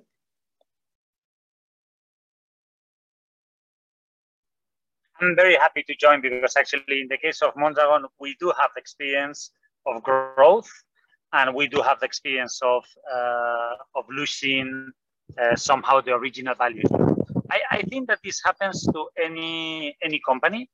Uh, success in many ways, uh, in especially in a cooperative world, will means growing in number of people, and then when you grow in the number of people, then eventually the relationship that you have since the beginning with the original co-founders cannot be the same. Said that, uh, the legal structure of a cooperative should not be the reason to really justify that the cooperative project remains uh, lively, you know? So I think it's a software and hardware strategy. The legal entity of a cooperative for sure is a better structure to really assure the participation of people, participating in information, in decision making, in profits and sharing. I mean, uh, but at the same time, we need to take care of the software. In our case, when we say that today cooperative entrepreneurship means uh, team entrepreneurship, is because we do need to have a management model that will play hand by hand, hardware and software once to the other, once with the other. We cannot give for granted that uh, that with the structure it will be everything will remain the same, but at the same time, if we play wise, why not we can really expand massively the reality. Maybe I can share a very small example from our case. In the case of Mondragon Team Academy, we started 13 years ago, four people. Uh, for sure, the reality when we moved from four to 20 to 50 was uh, really present, really connected with the leading values, with the principles was very likely. Today, we are a network of around more than 2,000 team entrepreneurs connecting in 13 MTA labs globally in four continents we have remained the small structure of every lab, every autonomous place in a network base. And then we have shared leading global leading values that every year we go through. So actually this year we are again just finalizing now. As, as long as you grow the community, the new members needs to really embrace and to have the opportunity of rebirth the original purpose and update the original purpose, you know. So I do think that we, first, we should love to grow in terms of growth in impact capacity, in business capacity, and in our case as a worker cooperative in terms of uh, creating new jobs. Uh, as I mentioned before, we do believe that creating jobs as the favorable uh, salary is one of the best ways to eradicate poverty. So we need to grow, creating more and more jobs globally. And at the same time, we, we do need to take care of how to remain lively, the original purpose updated daily with the new members coming in. So I think that yes, it's a threat, uh, but at the same time, it's an opportunity to really reinvent ourselves constantly.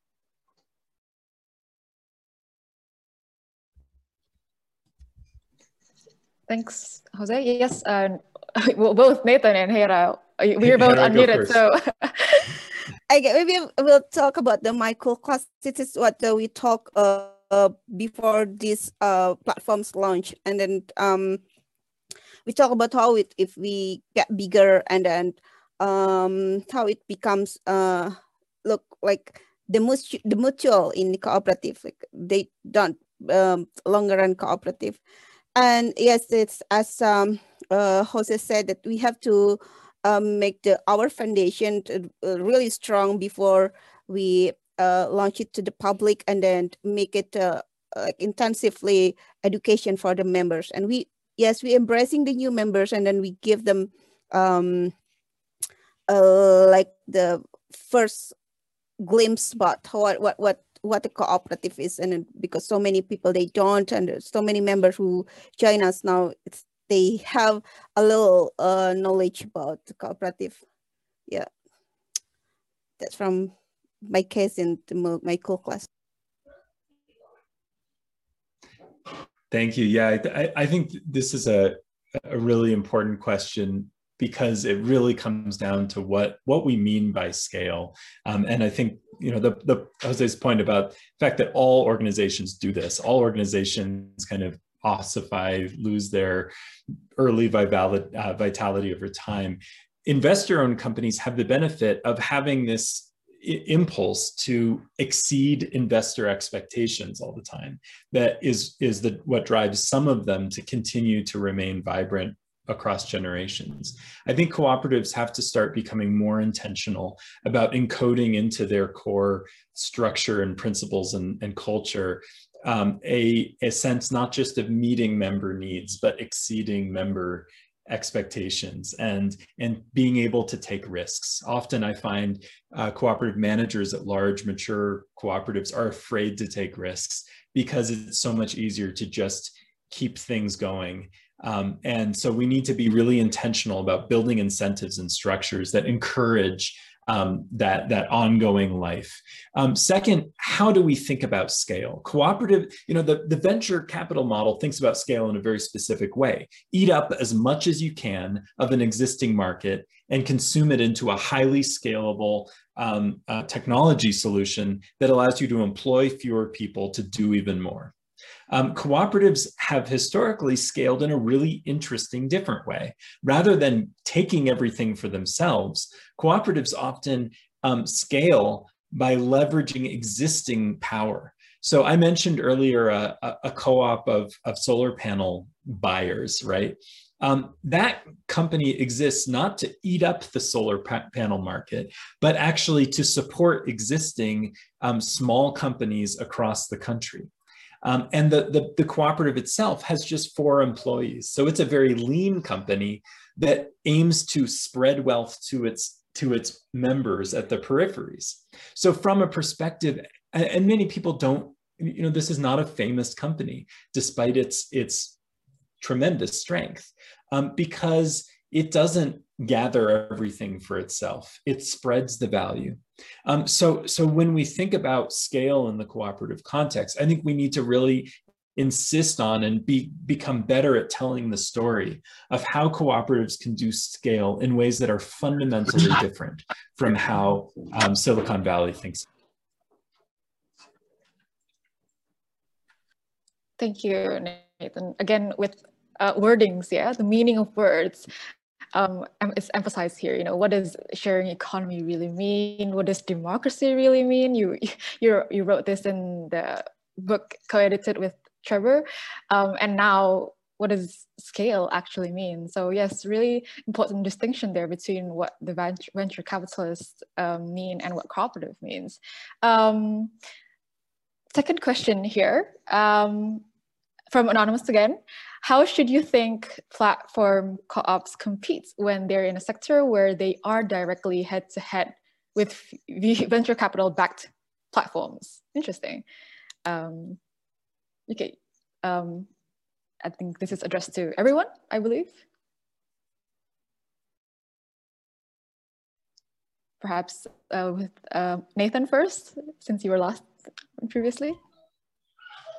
Okay. Um, this is challenging in many respects. Again, I think it's important for co-op leaders to you know try to, to recognize what is uniquely powerful about what they can do um, and to see the opportunities that vcs don't see right so so in general i think it's can be really dangerous to run head to head with um, vc backed platforms because the amount of resources they're going to be able to bring to bear um, are just beyond um, what what, um, what, what a co-op can. At the same time, you can recognize things that you can do that that others can't do, um, and and that includes the very simple things like paying creative people really well. Um, Stocksy United, early you know success in platform cooperativism, um, has succeeded just by like treating artists well in a way that large platforms just won't do.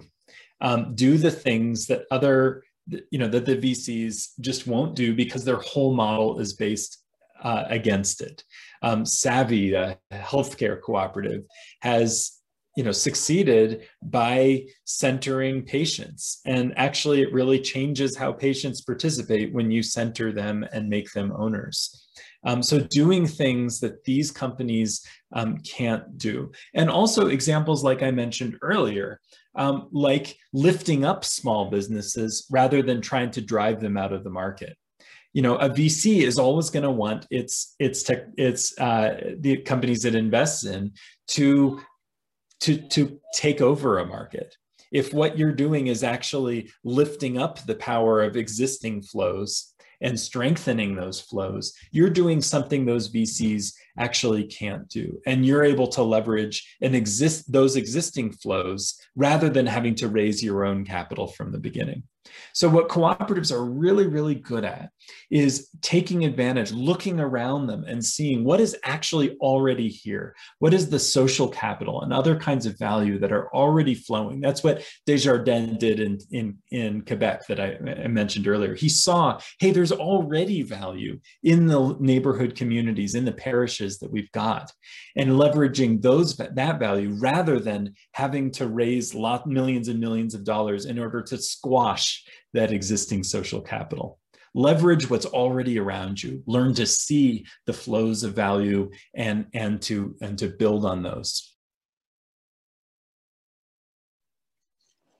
Again, so leveraging what we already have and um, again about value, right? I think it's time to rethink uh, what do we actually value? And um, but Hera, you mentioned in your presentation as well, it's about building community wealth right? So we need to redefine what it means, what wealth actually means, not in terms of purely, I guess, monetary, but you know, in us, what do we have? What's our wealth as a community?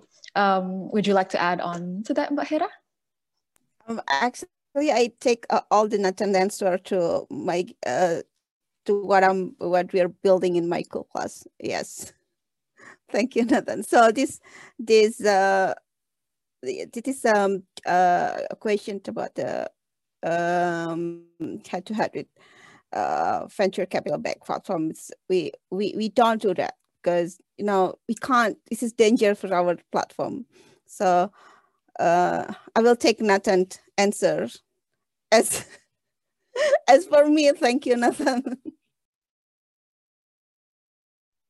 Thanks, Mahira. I guess, Jose? Yeah, maybe I would love to share. I think that um, building on what Nathan and Hera has shared, um, I do believe that the problem of the existing digital, conventional digital platforms and the venture funds who are behind is that they have the clear mandate that is to maximize the economical impact. Uh, when we were in the course and we say, how can it be that a platform like Uber still losing money? Is because it's losing money because the aim is to conquer the world. So the aim is to become a monopoly, to become as big as possible, similar models we see in Amazon, in whatever the platform. They aim for the fans behind to really conquer the world. You know? I do believe that this is the opposite value that a digital platform COP should have. A digital platform COP is a quadruple bottom line principle. Yes, we do need to maximize the economical impact, but always connected with maximizing the social impact, the environmental impact, as well as the spiritual or the happiness impact. So it is not that one only variable, maximizing economic impact and three restrictions, social, environment, and people, but the opposite, you know. I think when you really see that, oh yes, it's a matter of remain competitive economically, but at the same time maximizing the impact on the people, on the planet, and on the on the social community, local communities, then the whole strategy transforms. Recently, a study by the University of Catalonia has published how our riders model of Glovo, that is similar, it's a, it's a Spanish European Eh, conventional digital platform, similarly to, to Just Eat, to, to Deliveroo. Their business value feasibility is only possible with two elements. One is with unprivileged conditions for the riders, one aspect, and two, really un, unreasonable commitment Sorry, there was a little noise here. So this only possible to have a platform as global, sustainable economically for the funds behind when it's addressing bad conditions for the riders, uh, for the employees, and when it's also addressing that the, um, the commissions for the restaurants should be over 30%, even 40%.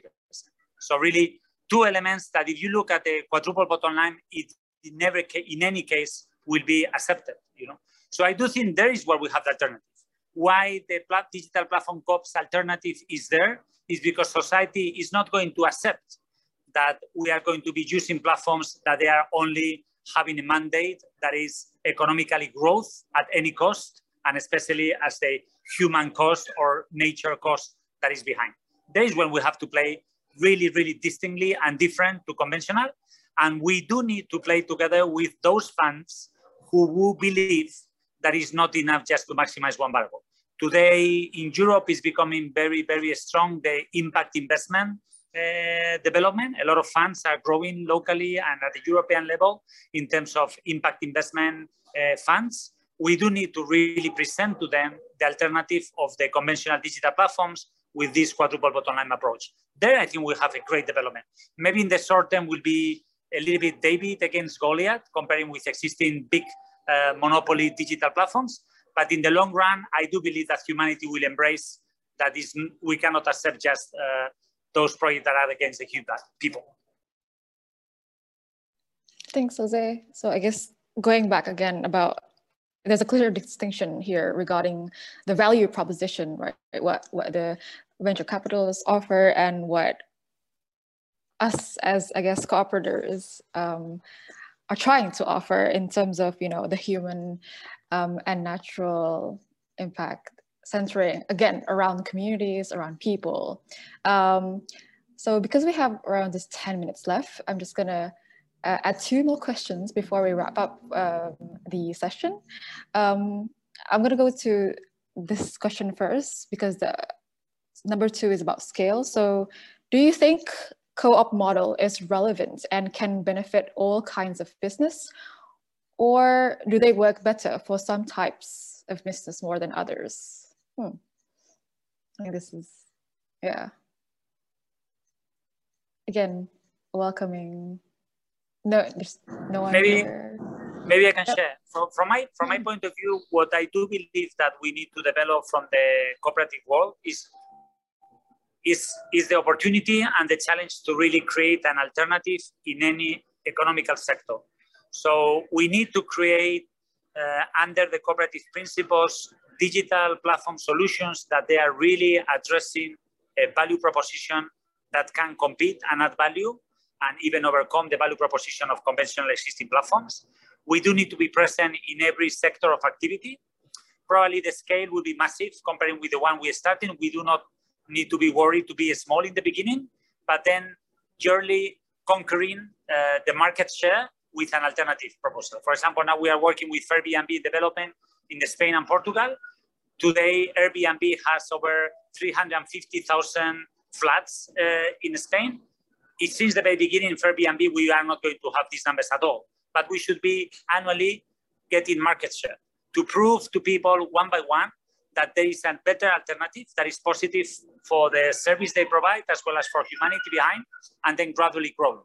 So I think once we need to be in every sector of activity, and then at the same time we need to see which sectors are the one that maybe might can maximize the impact behind. If I will have to say two criteria for today, One, I think that is what I mentioned before about the data cooperatives.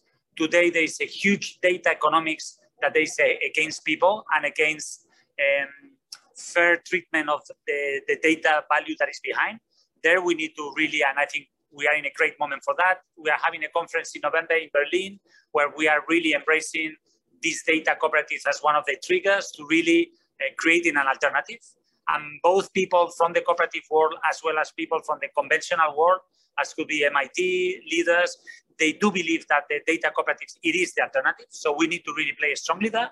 And second, I would say we need to prioritize in those uh, business sectors and business value proposition that impact higher number of jobs creation. So if we see that in riders, only in Spain, we might be talking about more than 50,000 employees on the riders industry, then we need to have an alternative. Similarly, internationally, we need to look at which are the sectors where there is great number of jobs and then prioritize from all the sectors those ones and create real alternatives. This will be, from my humble opinion, two of the criteria that could be great to see in the upcoming months. And always with, we understood higher values, but at the same time, we need to be business-wise as competitive or even more than conventional solutions.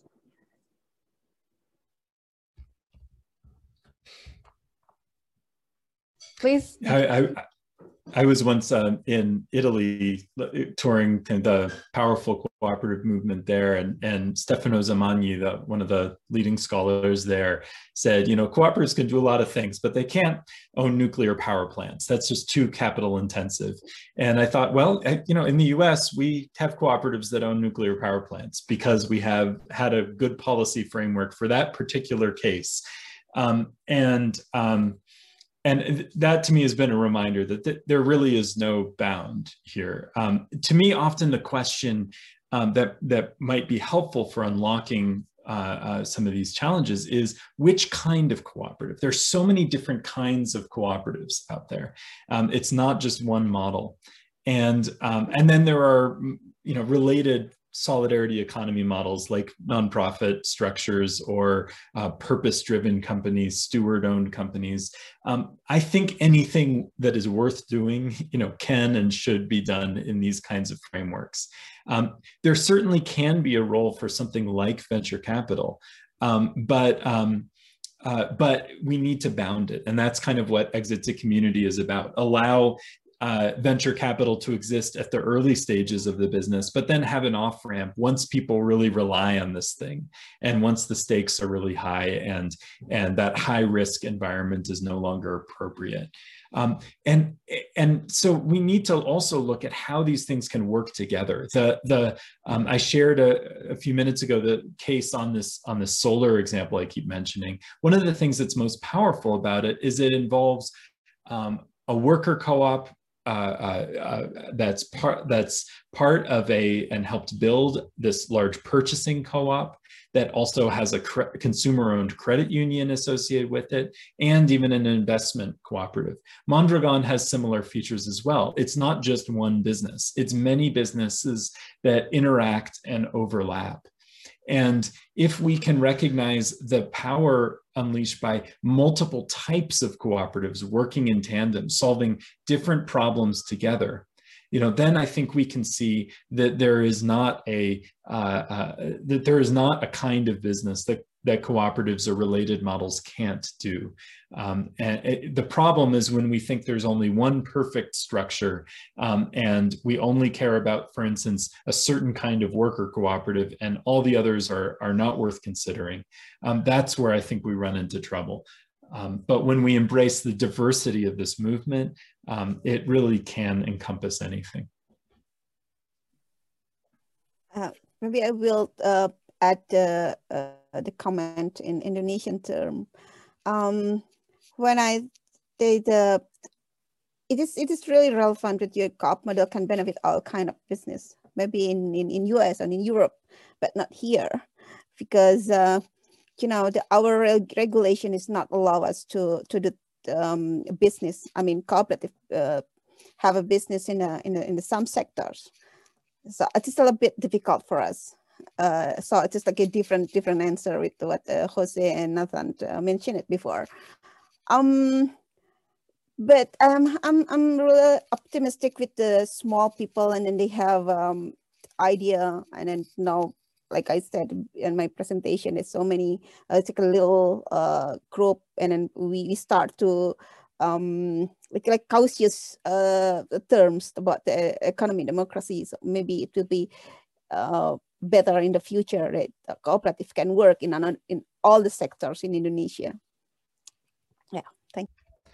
That, that's such an important point, and it's it's it's something that we share in the U.S. too. Is that our co-op policy has been developed around particular things in particular industries, and you know we, we have the same problem there's a 130 billion dollar cooperative agricultural bank down the road from me but the new platform co-ops can't benefit from it at all and globally i think we need to we need to re- absolutely recognize how our history has been built that way. Co-ops are targeted interventions for particular problems, and we need to recognize that that's a straitjacket that cap, you know, that the investor-owned businesses don't have, and we need to demand policies and, um, and, and frameworks that allow cooperatives of any kind and that allow investment and, and capitalization for cooperatives of any kind um, and, and recognize that this is completely unfair and, and that whenever cooperatives are held in an industry specific straitjacket or they're bounded into very, very narrow types of forms, that that is um, that is completely unfair and we need to fight those kinds of policies and work to build really broad frameworks that can encourage uh, uh, creativity. Thank you, um, everyone. Uh, I, I, apologize firstly, it, um, it's almost 10 p.m. here in Jakarta, um, so we're kind of running out of time. So uh, can I just ask, is it possible, is it okay if we extend by five to maximum of 10 minutes to address the last question? No, Yeah, is it, is it okay? Speakers, are you okay with that as well? Sure. I'm happy yeah. Okay, wonderful, thank you. So perhaps um, just to wrap up the session, this is the last question and um, can I please request the speakers to both address this and um, also deliver your closing statement. Um, okay, so the last question is, why do you think there aren't many co-ops as successful or big as Mondragon? What's the biggest setback for co-ops to scale? Um, yes, the time is yours.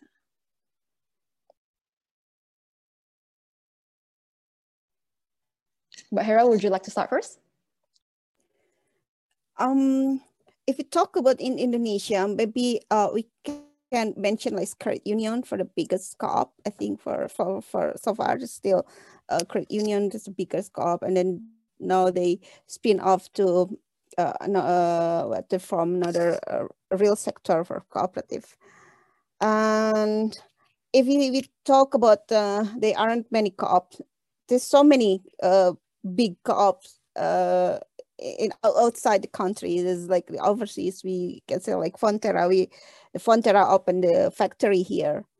Um so I think it is um it is about the mindset and about uh, how you dig dive to the information about how co-op works uh, overseas. Maybe that.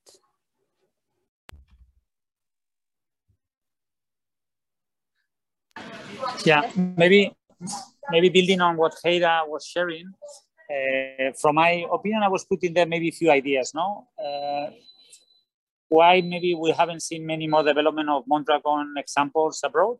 I think firstly is because for some reason we have believed that the scale and the impact of the cooperative world should be residual, you know? So I think we need to challenge our mental models and to embrace that the cooperative alternative can really become an alternative in existing realities. Mondragon is not the only case, there are many others, but I think uh, really addressing and believing that it is possible to create an alternative to the uh, existing models using the cooperative legal form is one first step. Second, I would say that it's about intercooperation, you know, intercooperation in terms that we cannot have fragmentation in between each cooperative, as well as we cannot have isolation of the cooperative uh, realities comparing with conventional businesses. We need to play together, you know, we need to play together, bringing our value proposition, don't feeling ashamed to be present, interacting with conventional businesses, and to creating hybrid value chains together, and really bringing our voice and really playing where is there, and challenging ourselves to play supporting together. You know what we are seeing in the digital platform waves, how models as Eva.coop or How do we international of cooperatives playing together using the same, in this case, digital backbone to operate locally in different realities. I do believe that this might be the way. And at the same time, I think that now is the moment. So I think that uh, whatever change we have in the last years, eventually the continues. And in case of Mondragon, maybe a humble approach, why Mondragon has not grown globally into a cooperative world in this He's unfortunately out, so perhaps um, Nathan, last closing statement. Yeah, I, I want to uh, highlight what harris said too about the fact that there are many large and powerful cooperative uh, uh, entities out there and similar forms. I mean, the Visa credit card system was developed first as a cooperative. That's when it really took off. Um, it, probably the only media company with comparable reach to Facebook is Associated Press, a cooperative that reaches um, half the population of the world every day um, through its its news reports. Often we don't see the cooperatives around us because they're functioning fairly well, um, and they are uh, you know they're, they're but we have to learn to see them. Um, and to learn to see the power in the history of this movement and what it has already accomplished, um, and uh, see that it is more than just one example, though Mondragon is a wonderful example, uh, particularly in helping to support um, new development. Um, also, um, we need to lift up by lifting up that story, we need to demand the policies and frameworks that can enable this model to grow even further. You know, I spoke earlier about the way in which so many uh, cooperative policies around the world uh, uh, in many, many countries put cooperatives in a straitjacket. We also learn, need to learn how to see those. As we're supporting our co-op entrepreneurs, um, take notes, keep track of where are the bottlenecks? What are the things that are easy for other kinds of businesses that are hard for co-ops? And don't accept that as a fixed reality.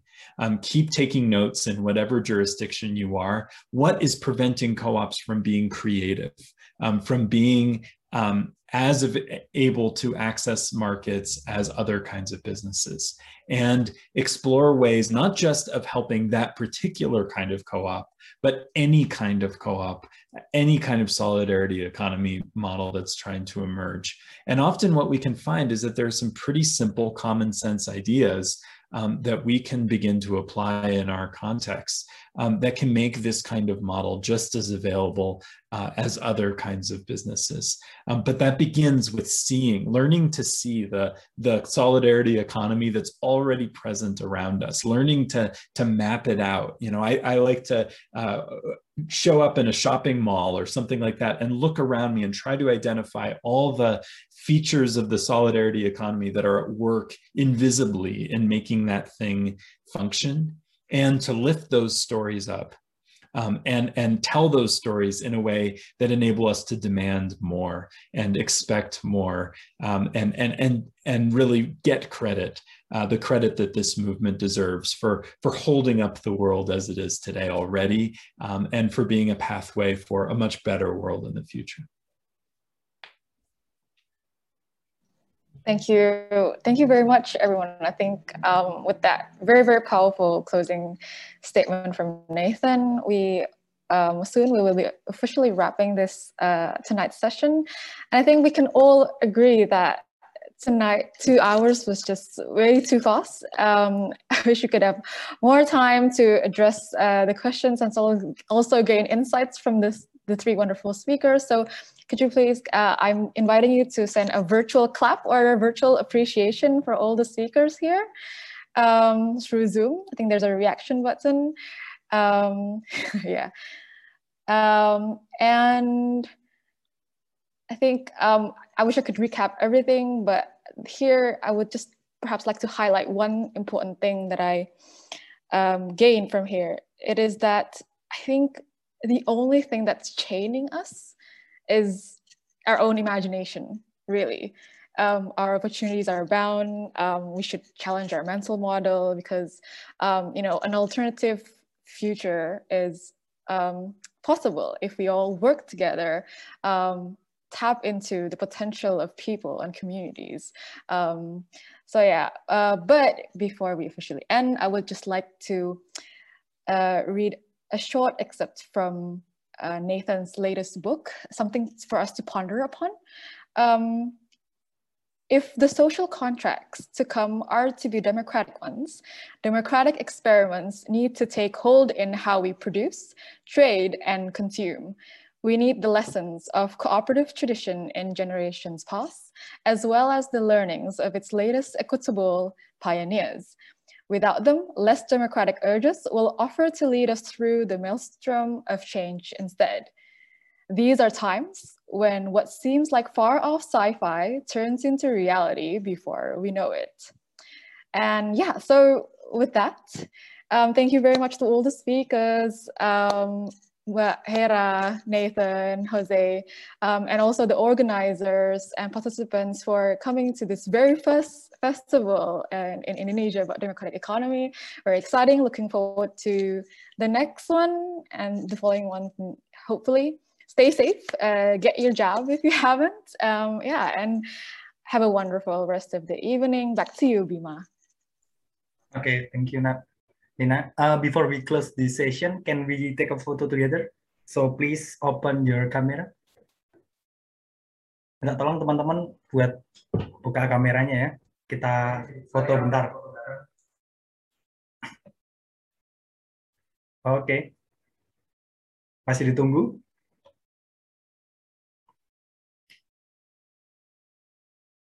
Tolong buka kameranya.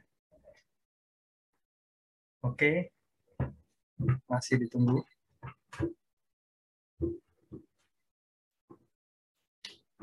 Oke. Okay. Oke, okay, everyone ready? Three, two, one, cheese. Okay, thank you. Yeah. Uh, yeah, congratulations to Mbak Nina. Great moderating. Terima kasih Thank you, Marina. You're great. Thank you, Nathan. Thank, thank you, Jose. Nathan, Jose, thank you very much. Nina. Makasih semuanya yang masih bertahan. Uh, sampai berjumpa kembali.